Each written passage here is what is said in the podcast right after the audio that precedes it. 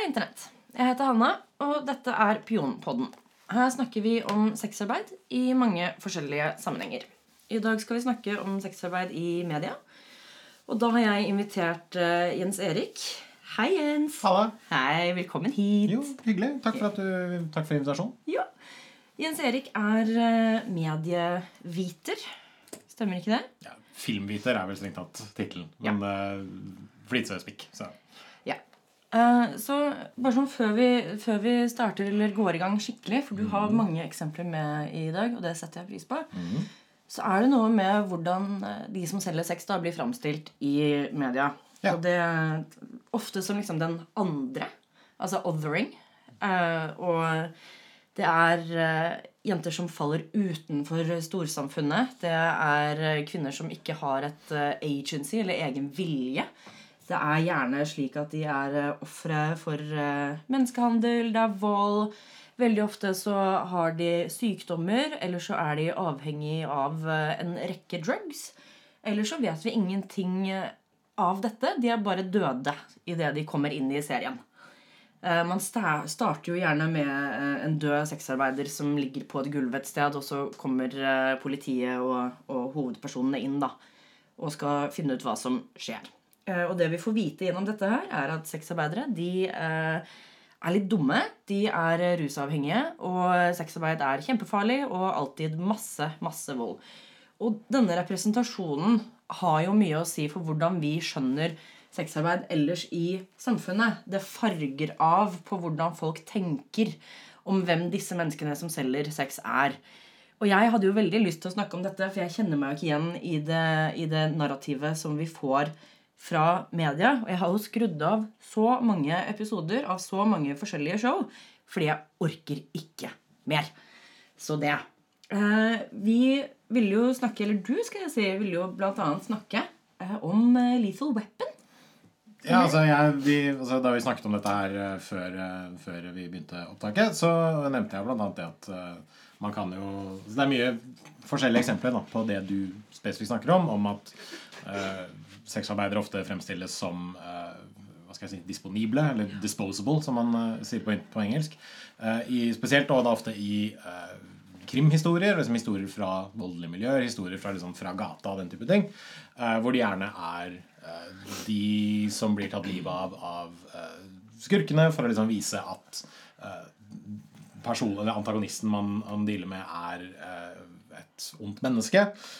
De tar livet av seg, etc., etc. trigger warning, I guess, for at vi kommer til å snakke veldig mye om eh, Eller ikke mye Vi kommer til å snakke om uh, vold mot sexarbeidere, selvmord, uh, den type ting. Så bare sånn Burde Ja. kanskje nevne det som til å begynne med. Det er fint at uh, gjesten vår tar dette her før jeg gjør. På. Men jeg vil også nevne det at det er altså som, vi, som med veldig mye annet, så er det jo et spekter her. Det finnes mye positiv eh, representasjon, av sexarbeidere også. Bør nevnes, og vi kan ta litt av det utover episoden. Men eh, sånn til å begynne med så kan vi kanskje snakke om litt av, av det negative. Da. Eh, en ting jeg har funnet, er at veldig ofte så er det kvinnelige sexarbeidere som utsettes for vold og eh, gjerne selvmord og drap og den type ting. Ja. Eh, og du nevnte Lethal Weapon fordi vi snakket om det før, eh, før opptaket startet. Og det er fordi eh, manusforfatter og regissør Shane Black har en tendens til å eh, ofte i begynnelsen av flere av sine, eller noen av sine filmer, bl.a. Lethal Weapon og i uh, filmen uh, The Nice Guys, så er det da gjerne en sexarbeider. Enten en person som uh, selger sex, eller eventuelt en eh, pornoskuespiller, eller liksom noe som er eh, knyttet til sexarbeid, som eh, enten tar livet av seg selv, eller blir tatt livet av det, liksom sparker i gang, sparker i gang narrativet. Da. Og um, det er jo da kanskje det man snakker om et tilfelle av at du har kunst som inviterer livet, som inviterer kunsten igjen, og så blir det en sånn her syklisk uh, sak, da, fordi som vi begge vet, eh, sexarbeidere opplever større grad av vold enn kvinner i andre yrker. Og eh, man vet jo også det at eh, flere seriemordere har liksom bevisst gått inn for å ta livet av folk som selger sex. Ja, I stor grad kvinner. Uh, altså Sånn som Jack the Ripper, The Yorkshire Ripper, uh, The Green River Killer. Han trodde at han gjorde politiet en tjeneste da han gjorde dette her. Uh, og liksom man kan nevne i fleng, men jeg velger ikke å gjøre det. Eh, jeg tror nok det er et stigma som eh, popkulturen bidrar til å forsterke. Ja. Selv om det ikke nødvendigvis oppsto der. Eh, så det er jo litt sånn Samfunnet påvirker kunsten, som påvirker samfunnet, og så går det rundt og rundt og rundt. Og rundt og rundt. Og det er liksom Det minner jo litt om mye av den forskningen som Ger eh, unnskyld, Gerbner gjorde på eh, 80-tallet, hvor de fant ut det at de som så veldig mye TV og så veldig mye kriminalhistorier og nyheter om kriminalitet på TV, de var mer redde for kriminalitet sånn i real life. Og jeg kan se for meg at hvis du er en person som konsumerer mye av liksom, spesifikt denne typen eh, fiksjon, hvor kanskje sexarbeidere blir framstilt som ja, eh, hva skal jeg si, de som er utenfor i samfunnet, eh, da kan det kanskje også forsterke en sånn tanke om at sånn, ja, nei, det er ikke mennesker vi nødvendigvis skal bry oss om. Ja. Dessverre. Og hvis de ikke blir drept, så skal de kanskje reddes som en del av historien. eh, For de da lever tragiske liv, og så kommer det en hvit heterofil mann som gjerne har litt mer penger, og skal liksom redde dem fra tilværelsen. og alt mulig sånne ting. Det ser vi jo i Pretty Woman, vi ser det i Pose, vi ser det i liksom masse forskjellige uh, typer serier og filmer, selvfølgelig.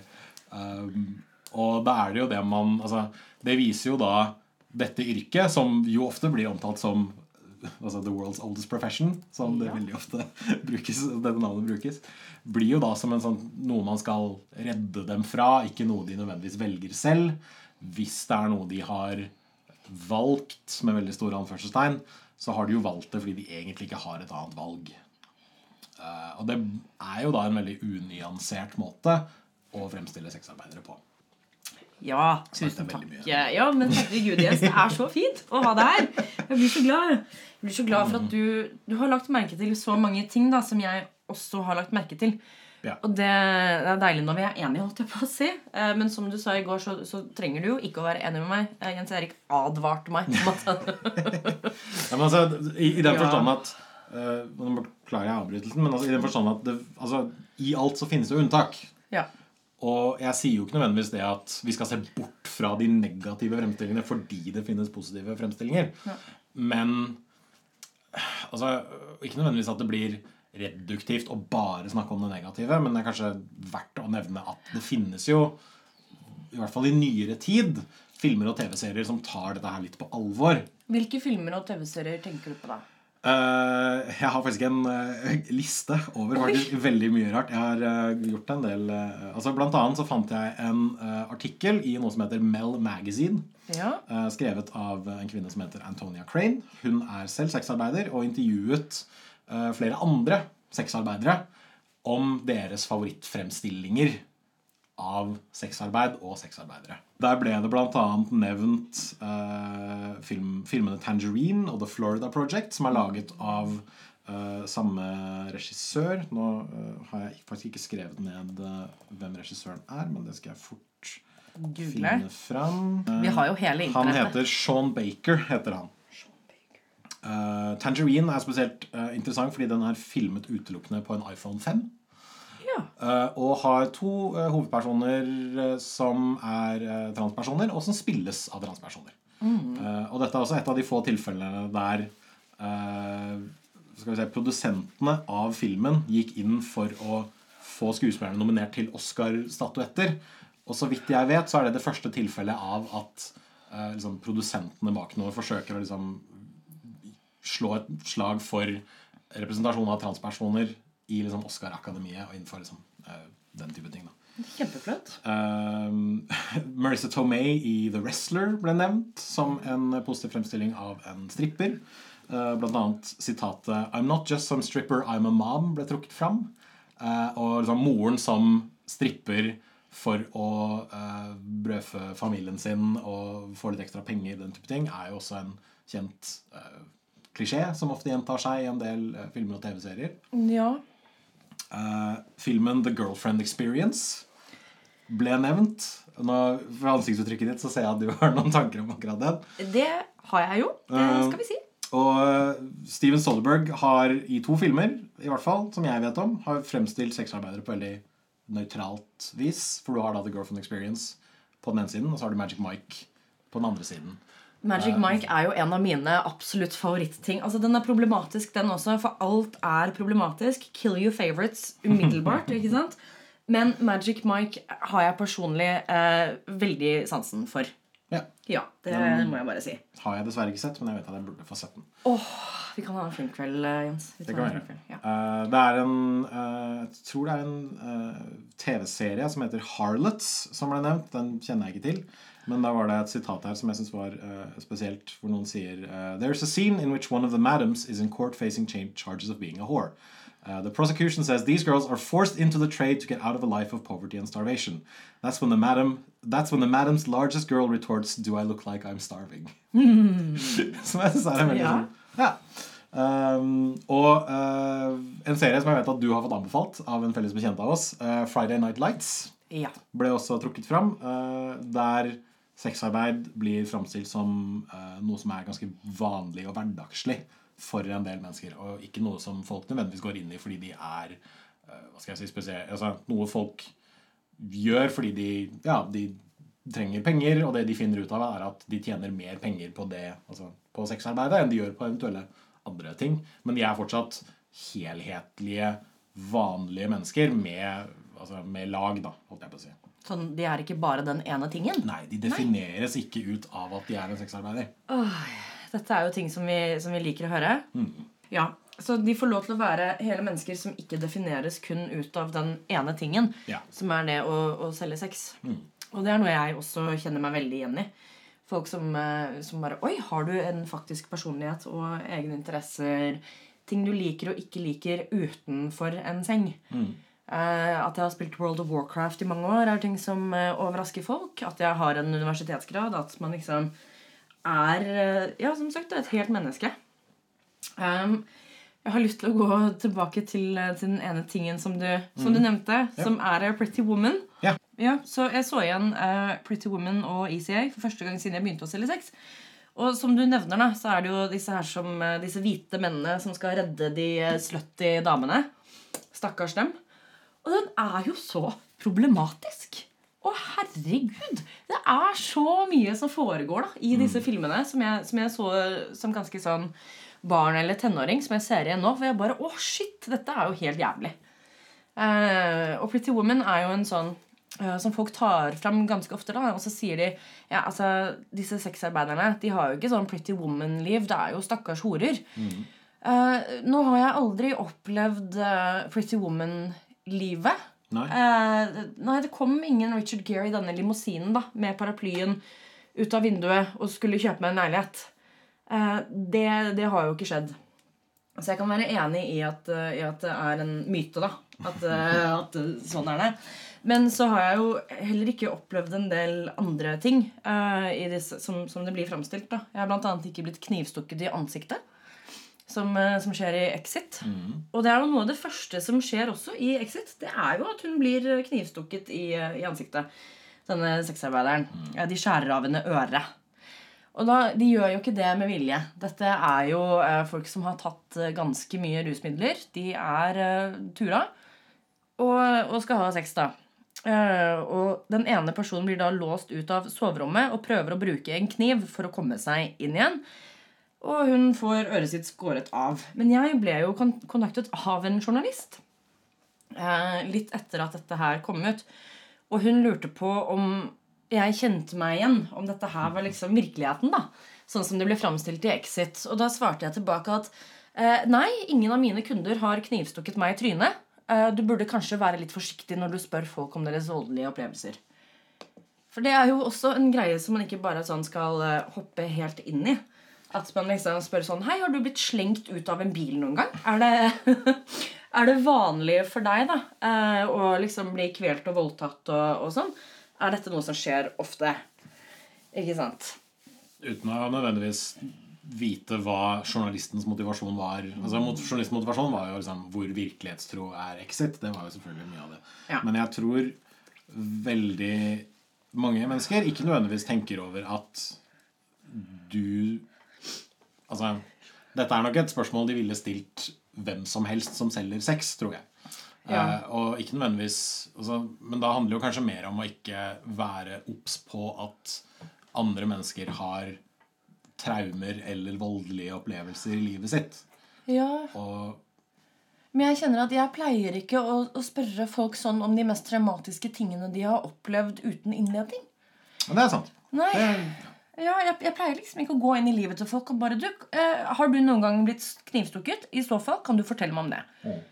Sånn helt ut av det blå. Fremmede mennesker jeg ikke har noe kjennskap til. Det pleier liksom å tenke at nei, det, det har ikke jeg noe med, da. For det første. Og for det andre så er det kanskje ting som folk har lyst til å ta med eh, en psykolog eller en behandler eller en nær venn. Eh, ikke vilt fremmede mennesker over eh, internett, da. Så det er et lite sånn tips til eh, om det er noen journalister der ute som hører på. Eh, ikke gå rett inn i livene til folk og, eh, og spør om de ofte blir knivstukket i ansiktet og, og slått og sånn. For det syns vi ikke noe om, da, vi sexarbeidere. Men Jensmann, du Ja. hadde jo masse andre eh, eksempler. Eh, ja, jeg, jeg har litt lyst til å uh, hva skal jeg si, spore litt grann av. Fordi Ja. Uh, foreløpig har vi nevnt uh, framstillinger av kvinnelige sexarbeidere. Ja. Men menn selger jo også sex. ja, ja, ja. Og de blir jo også representert på film. Så med fare for å være litt sånn ja, men Hva med mannfolka? Så har jeg lyst til å spore litt av. Fordi det jeg fant var interessant, er at framstilling av uh, kvinnelige sexarbeidere skjer mye oftere i mainstream film og mainstream TV og mainstream populærkultur. Og vi har jo da en sånn lang liste med Kall det liksom erketyper av kvinnelige sexarbeidere. Du har da altså, The Hooker with the Heart of Gold, for å bruke den. Uh, liksom, du har uh, en high class call girl. Du har uh, altså, Nå bruker jeg store anførselstegn igjen, men liksom gatehora, for å bruke et litt sånn stygt nedsettende uttrykk. Jeg beklager det. Eh, men dette med mannlig sexarbeid blir veldig ofte eh, Det er på en måte delegert til mer sånn queer-miljøer, er det jeg erfart da, i liksom, den researchen jeg har gjort før dette her. Um, og liksom det, uh, det var filmer som rett etter at uh, produksjonskoden i Hollywood ble opphevet, og plutselig kunne film handle om uh, sex og dop og alt mulig sånne ting ganske fritt i mainstream. Da begynte de av en eller annen grunn å lage film om mannlige sexarbeidere. Uh, filmer som Midnight Cowboy, American Gigolo Ja. uh, ble annet trukket fram i mye av de tekstene jeg fant. Men det som er interessant, er at det er I hvert fall da var det alltid eh, heterofil sex som ble skilt, eller skildret, fordi det, å altså det at menn ligger med menn, var på den tiden skamfullt og eh, fælt og skittent osv. Eh, men i queer-miljøer, i undergrunnsfilm og den type ting, så eh, kom de mer positive framstillingene av eh, menn som har sex med menn, og også da eh, menn som selger sex. Eh, blant annet i Paul Morrissey-trilogien Flesh, Trash og Heat, som er produsert av Andy Warhol. Eh, anbefaler blant annet, Jeg tror det er Trash er den jeg har sett, hvor Joe D'Alessandro spiller en sexarbeider. uh, som er impotent, så han sliter litt med å få kunder. Å nei! Og han er impotent fordi han har tatt så mye dop. Så det er jo litt sånn tragisk, uh, dessverre. Men der dukker også en skuespiller, skuespillerinne som heter Holly Woodlawn opp. Hun tror jeg er død nå. Jeg husker ikke helt. Uh, men uh, transdame som fikk spille i flere Andy Warhol-produserte filmer. da. Og dette er jo ganske lenge siden, så det må jo være banebrytende. Ja, det var sånn 70-80-tallet ish. Hun blir beskrevet på Wikipedia i hvert fall som en eh, Warhol superstar. Ja. Døde dessverre i 2015, men levde til hun ble 69 år gammel. Det er Nice. Ja. Anyway. Det er lov det, det var også, altså, ja, jeg vet at jeg opprinnelig snakket om menn, men det ble litt sånn side, oh. sidespor på sidespor. Um, og en annen film som jeg har veldig lyst til å trekke fram, er en Gus Van Sant-film som heter My Own Private Idaho. Med uh, River Phoenix og Keanu Reeves i hovedrollen. En veldig pur ung Keanu Reeves som spiller uh, mannlig modell og tidvis sexarbeider. Uh, som eh, også da Det er en sånn slags sånn road movie-aktig opplegg sammen med River Phoenix, som dessverre døde altfor ung. Han var en utrolig dyktig skuespiller. Eh, og eh, My Own Private Idaho ble beskrevet som at den uh, prøver å da uh, engelsk sitat, Strives to challenge the finite lines and simplistic notions that have historically classified male sex workers. Uh, Så den tror jeg også anbefales. Det er et veldig fint videoessay av en fyr som heter Kyle Colgren på Vimeo om uh, My Own Private Idaho som en Shakespeare-adopsjon, faktisk. Oi, ja. uh, Men også da gå litt inn på hvordan uh, filmen representerer uh, sexarbeidere. Den er bl.a. basert på at uh, Gus Van Sant kjente to mannlige sexarbeidere og baserte disse to rollefigurene på dem. da. Eh, og så ja Godt slag for, eller slå et slag for Gus Van Sant som, eh, som framstiller av, eh, av menn som selger sex. Åh, det er så deilig å ha en medieviter som har gjort masse research. Du har så mye, mye artig å komme med. Det som er litt interessant, er at da jeg Fordi jeg eh, Altså, Google er min beste venn. Jeg har en veldig god Google-fu. Eh, men jeg søkte først Google Scholar. Uh, sex work in fiction, sex work in film osv. Det som var interessant, var at innen Google Scholar-søk Veldig mye fokus på Eller ikke veldig mye fokus, det jeg fant av research, handler spesifikt om menn som selger sex. Ja. Men bare sånn vanlige Google-søk, det var om kvinner som selger sex i film. Og jeg vet ikke om det sier noe om liksom filmakademia eller queerfilm eller liksom hva det er, da. Men uh, det, det var et sånn interessant dikotomi, uh, føler jeg. Hvor Ja. mye av liksom den akademiske researchen som har blitt gjort, det er om eh, queerfilm og menn som selger sex. Uh, enten til kvinner eller til andre menn. Mens diskusjoner om representasjon av kvinnelige uh, av kvinnelige sexarbeidere, det er på en måte delegert til poster på Medium og denne Mel Magazine-serien som jeg fant i stad. Uh, Artikkelen som jeg nevnte i stad, og en um, YouTube-video av Anita Sarkeesian hvor hun snakker om kvinner som bakgrunnsdekorasjon i dataspill. Eh, men jeg fant også en eh, artikkel ja, det var fra Medium som het uh, 'Sex Work and Stigma Examining the Problematic Representation of Sex Workers in Popular Culture'. Den kan vi også legge inn i uh, shownotes. Og en bok fra Catherine Roach, uh, som jeg egentlig ikke kjenner til, men som heter Strip 'Stripping Sex and Popular Culture'. Hvor hun bl.a. skriver om framstilling av eh, strippere ja. i popkultur. Der har vi jo eh, den nye filmen Hustlers. Med J.Lo, Lizzo blant annet er med. Jack the Stripper, som er en faktisk stripper, eh, er med.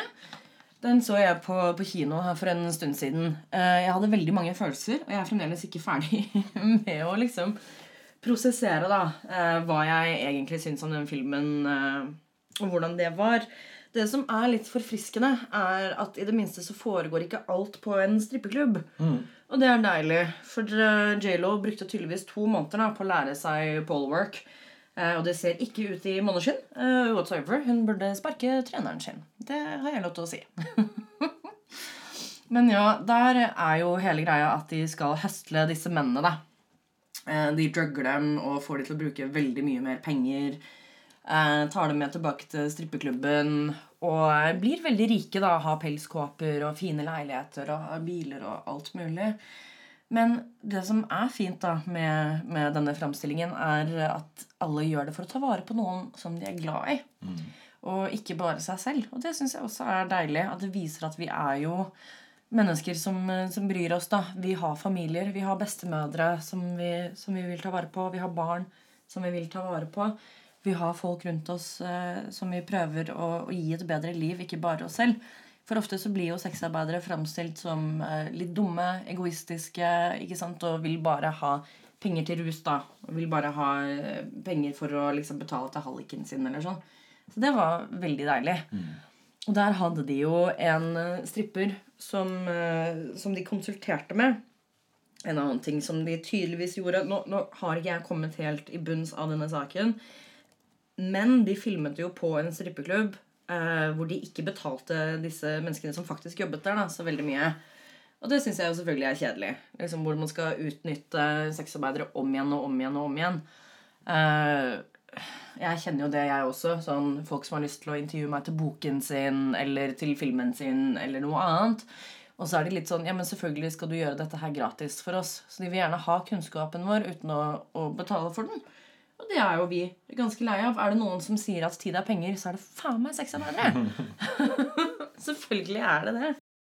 Halla, Internett. Eh, vi måtte faktisk ta en pause fordi Hanna blir så forbanna av å, å snakke om sexarbeidere som blir Drept hele tiden. Jeg tror det slår meg litt spesielt mye i dag. Nå har vi akkurat hatt eh, den internasjonale dagen for å ende all vold mot sexarbeidere. Det var den 17. desember, og jeg var ganske rasende flere dager på rad. Det er fremdeles. Da er det fint at vi har eh, Jens Erik her. Jens Ja. Erik ja, er jo litt mer eh, hyggelig og koselig og sånn. Jeg har bare lyst til å skjelle ut alle. jeg. Så det. Men det, det gjør jeg jo også. Det er veldig fint. Du skjeller ut meg innimellom. Ja, jeg gjør det. så det. Ja, men det er noe med det, altså hvordan man kan bli så rasende etter hvert av å se seg selv bli drept, da. Konstant, hele tiden. Jeg blir litt sånn Finnes det et eneste jævla show jeg kan se på hvor sexarbeidere ikke dør? Eh, så langt eh, Ja, men jeg liker jo ikke Simpsons. Jeg syns det er så masete. Det er litt problem. Ja, det er det. Eh, Dr. Who går det an for meg å se på uten at vi dør hele jævla tiden. Men det er stort sett det eneste, da. Eh, jeg prøvde jo å se på Luther. Det var jo ikke noe vits. NCIS, CSI, alle krimshow. Absolutt alle krimshow. True Detective, House of Cards, eh, Boardwalk Empire, Peaky Blinders. Med fare for at jeg høres ut som jeg driver med victim blaming her. Jeg, når du velger crime shows, så er det dessverre den fella du går i. Jo, men det er absolutt alle show. Kan ikke jeg være så snill å få lov til å se et interessant crimeshow uten å se meg selv dø? Må vi dø hver eneste jævla gang? Det går jo ikke an. Altså, ingenting lenger. Nothing is holy, nothing is sacred. Vi må bare dø. Tina Fey, der dør vi. Amy Schumer, der dør vi. Vi dør hele tiden. Det er ingenting igjen for meg. Det er ingenting som er tilgjengelig uten å se meg eller kollegaene mine bli drept. Vi er jo enten punching bags eller punch lines. Jeg er så drittlei. Det bare stopper faen meg aldri. Hold opp. Gjør noe bedre. Vi har eksistert så lenge vi vet at menneskeheten har eksistert. Det må gå an å finne på en annen jævla vits. Hvor dumme er folk? Hvor jævla kjedelige må folk være? Klarer dere virkelig ikke å lage et eneste show uten å ta livet av sexarbeidere? Uten å gjøre narr av dem? Uten å framstille oss som dumme? Er det fuckings mulig? Til og med i de gode showene, til og med i show som er eh, såkalt litt bedre, sånn som Secret Secret Diary of a Call Girl, er det den heter? Ja. Ja. Til og med der. Masse vold. Oh my god. Er det mulig? Ta dere sammen! Uh, sorry, han er forbanna. Ferdig. Ferdig. Jens, kjør. Friday Night Lights. Dør vi der? Jeg, jeg tror ikke det. Ja, jeg håper ikke det. Jeg bare jeg er så lei. Oh my god. Det er, altså, det er i hvert fall den serien som har dukket opp flest ganger som her er en positiv framstilling, og Ja. ting er bra, på en måte.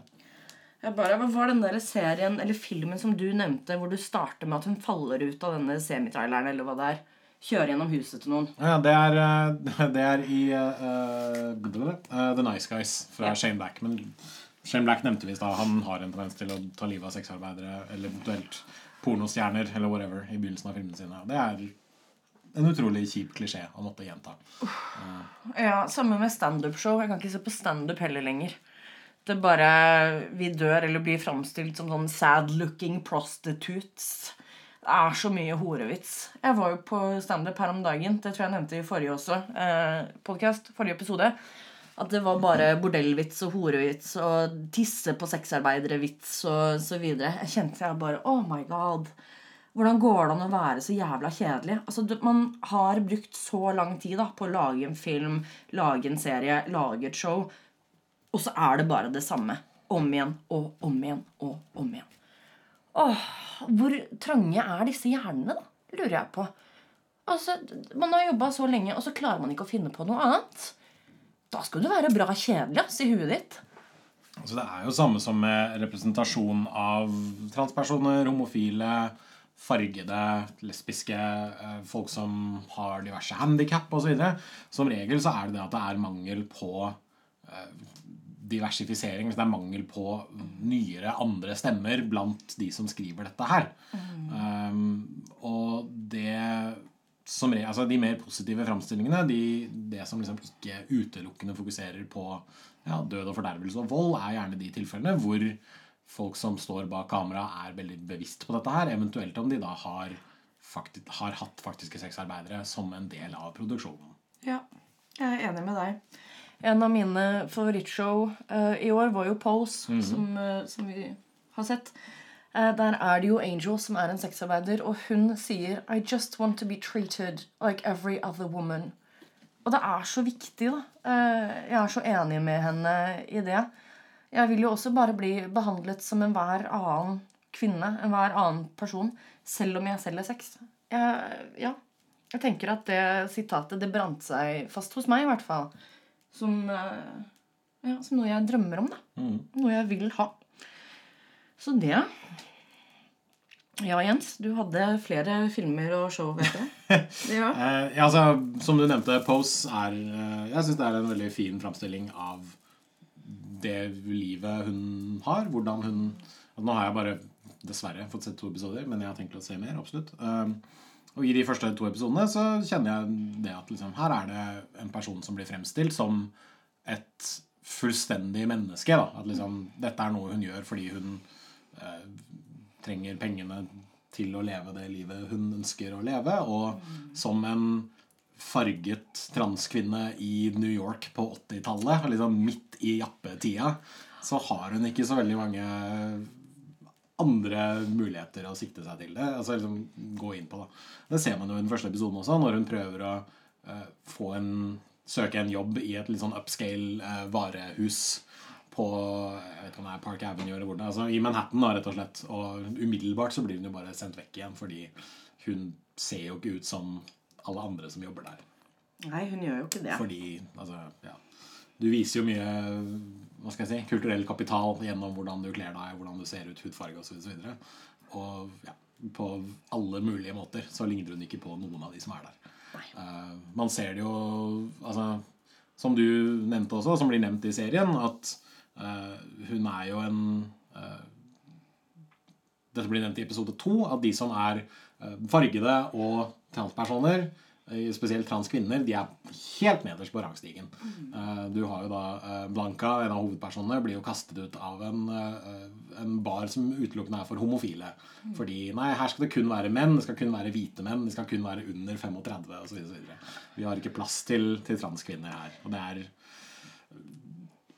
For alt jeg vet, så er det en, liksom, en riktig framstilling av hvordan det var på 80-tallet. Det er utrolig kjipt å se en person bli behandlet sånn, og ikke minst vite det at vi har ikke kommet så jævla langt på 30 år. Vi har Dessverre. jo ikke det. Ja. Men uh, vi kan snakke litt om, om flere positive ting. da Fordi uh, jeg vet at du er glad i Joss Whedon. Ja. Jeg er glad i, Jeg har du er glad i Buffy, i hvert fall. Jeg elsker Buffy. Jeg hater Josh, Josh Whedon. Jeg er veldig glad, jeg er veldig glad i Joss Whedon. Uh, altså, sett bort fra de litt sånn kjipere tingene han har gjort mot uh, kona si. Det var noe utroskap og diverse ting. Um, jeg syns i hvert fall uh, samfunnet han presenterer i uh, um, Firefly, Ja. har en veldig hva skal jeg si, positiv tilnærming til dette med sexarbeid. Der du har et laug med companions, som de heter, som strengt tatt er moderne geishaer. Ja. De er der ikke utelukkende for å selge sex, men det er en av tjenestene de tilbyr. De er eh, kompanjonger, de er samtalepartnere, de er eh, ikke minst en slags overklasse. Rett og slett. De får velge sine egne klienter hvis du, eh, liksom, hvis du gjør noe mot en av dem, som å eh, fornærme dem eller banke dem eller liksom noe som helst som er negativt, blir du umiddelbart satt på en svarteliste, og da får du ikke eh, kjøpe noen av dem eller liksom hyre noen av dem ever again. Ja, For du kjøper ikke en hel person. Bare sånn. jeg, jeg vet at du selv tok deg i det. Jeg bare sier det til de som hører på. Eh, at man kjøper aldri en, en hel person. Det, er- det er ikke sånn at halve fitta ligger igjen når vi går. Men Firefly er også en serie som uh, får litt i pose og sekk, fordi de som ikke kan eller ikke har lyst til å bli en del av dette lauget, de blir jo da ofte delegert til litt sånn det man kaller backwater-planeter. Og gjerne da bare sånn Nei, her er det et hus hvor det, Eller her er det et bordell hvor det bor x antall sexarbeidere, og hvis det tilfeldigvis flytter inn litt sånn kjipe landlords i nærheten, så er du litt fucked. Hvis du ikke kan forsvare deg med våpen og alt mulig annet rart du eventuelt skulle ha.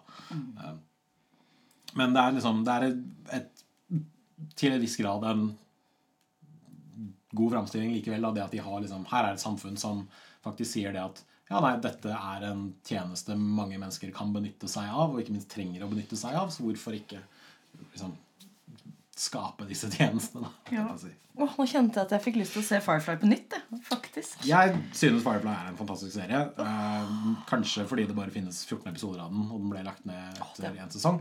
Det var trist, ass. Det synes jeg var kjipt. Ja, fy fan. Hovedpersonen i serien, Mal Reynolds, påpeker også det at det at han har en companion om bord på skipet sitt, det gir han en grad av eh, hva skal vi si, respektabelhet Ja. når han reiser til andre planeter hvor han vanligvis altså hun, åp, hun kan åpne dører for ham som han vanligvis som en, sånn, som en kaptein på et lasteskip som kanskje eller kanskje ikke alltid tar eh, mindre lovlige jobber. Så kan hun da, så kan Inara, som hun heter, åpne dører som han vanligvis ikke hadde klart å åpne selv. Og hun fremstilles jo også da som en person som Ja, nei, dette er en, en jobb hun har, dette er noe hun driver med, men hun har også da eh, drømmer og ambisjoner og et liv utenfor dette her også. Som hvis serien hadde fått lov til å fortsette, sannsynligvis hadde blitt utforsket til en større grad. Ja, Det er veldig trist at det, at det ble med de episodene. Ja. Jeg har jo for øvrig en eh, kollega som tok navnet Inara etter tøft. eh, dette showet. Det, ja. Så vi finnes jo og, eh, Oi, sorry. Kan du, Jens, nå har Ja. ikke du sett den, men jeg ville prate litt med deg om den allikevel. Når du googla. Eh, kan vi snakke litt om Monster? Det kan vi. Ja. Mm. Eh, der har vi jo en hovedperson eh, som, som er en sexarbeider. Eh, og vi var jo så vidt inn på dette her sånn utenfor podkasten, hvor jeg sa altså 'rest in power'. Og du var litt sånn Ja, men hun, det var jo en seriemorder. Ja. Men hun drepte jo ikke hvem som helst, denne personen. Nei, altså Eileen Warnos, som hun heter, som filmen Monster handler om, var jo en person som tok livet av menn som i stor grad forsøkte å voldta henne og utføre vold mot henne. Mye av det, altså Hun sa selv at det jeg gjorde, det gjorde jeg i selvforsvar. Uh, og ja uh, Merkelappen seriemorder blir jo gitt til noen som dreper flere mennesker over en tidsperiode.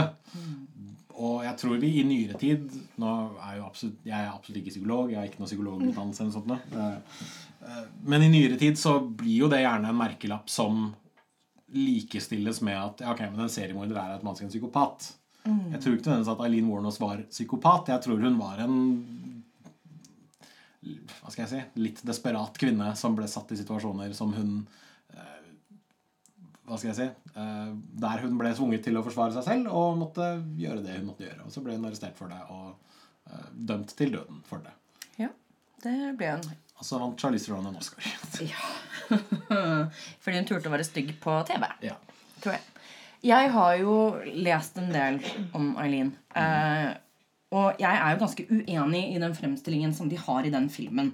Det vet jeg at mange andre sexarbeidere også tenker over. Eh, men det som var veldig spesielt for meg, da, eh, er at denne historien på en måte slutter ikke. Vi vet jo om andre sexarbeidere som har drept voldelige kunder. Det er jo en som går rundt i nyhetene nå. Eh, og hun ser jo også ut som skal bli dømt uh, til livstid. da Og hun er vel hva da? 17 år gammel, ikke sant? Eh, så de kan jo faktisk ikke dømme henne til døden. Det er noe med denne konstante framstillingen av at vi som, er, vi som selger sex, vi er enten ofre for vold, voldtekt og, og rusbruk og slemme halliker. Eller så er vi litt ondskapsfulle. eh, og liksom degenerates. Vi er jo veldig sånn Vi får jo ikke lov til å være mennesker da, på, på film. Eh, så jeg anbefaler alle, hvis dere har sett Monster, eh, å lese litt mer om Eileen. Eh, sette seg litt mer inn i, inn i det livet som hun levde. Rett og slett eh, do your research, da. Eh, om disse menneskene som blir framstilt. Nå har vi holdt på en stund, eh, Jens. Jeg lurer på, er det, er det noe mer som du har skikkelig lyst til å, å snakke om? Du har gjort så mye research at Ja, det, det ja. føles litt slemt da, hvis du ikke skal få lov til å, til å, å bli ferdig. Jeg, hadde litt, jeg har litt lyst til å snakke om The Simpsons. Fordi jeg nevnte det jo i stad. Og det er Nå kan jeg ikke snakke om nå, altså Simpsons har vært på TV i 30 år. Jeg tror jeg hoppa av rundt da søren jeg, sesong 15, 17, 20 Who knows. Men uh, det er en episode som heter Bart After Dark. Der uh, Bart og resten av Simpsons-gjengen oppdager det at ja, men i Springfield der har vi et burleskhus. viser det seg. Og hun som er innehaveren av dette her, veldig mange har trodd at hun er en heks, fordi eh, huset hennes ser veldig mørkt og Se for deg liksom Adams Family-huset. Og så der, der, der, skjønner man jo veldig fort at, å, ja, folk tror at der bor det en heks. I hvert fall ungene da, tror at det bor en heks der. Og så uh, klarer Bart å ødelegge en av uh, gargoyle-statuene hun har på huset sitt. Og hun sier det at nei, nei, dette her det skal han få lov til å, dette må han betale tilbake. Og som straff så må han da jobbe som dørmann ja. på dette stedet. Og det, det, jeg liker veldig godt da med denne episoden, er jo det at hun som er Jeg vet ikke hva som er riktig ord. Innehaver. Mm -hmm. ja. For hun er jo ikke en madam, sånn sett, hvis det er greit å bruke. Anyway. Hun som er innehaver av dette, dette huset, The Maison Derriere, eller Rumpehuset, som det kan oversettes til, ja.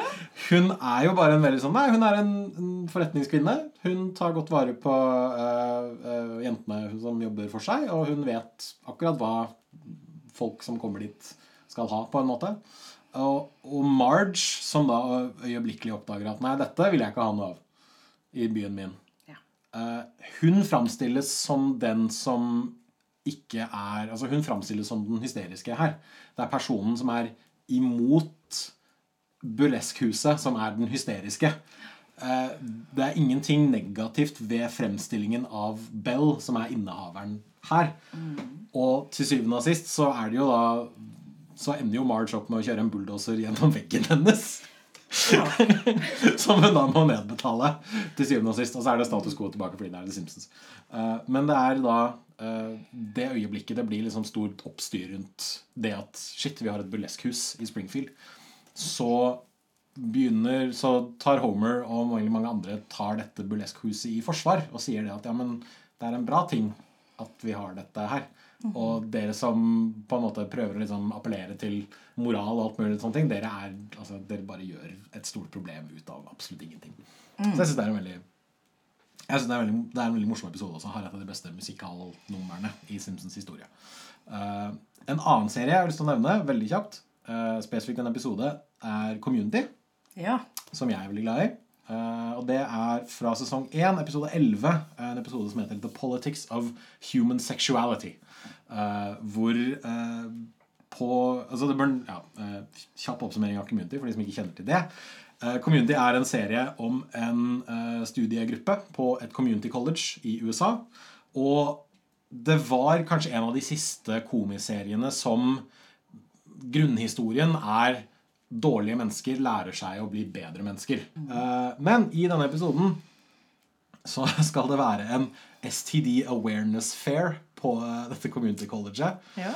Uh, som etter hvert går litt til helvete. Men det jeg har lyst til å trekke fram, er det at en av rollefigurene, som heter Pierce, han begynner å date en eskorte i denne episoden. og hun påpeker litt ute i episoden at Eh, de aller fleste av hennes kunder er ikke menn som nødvendigvis er ute etter sex.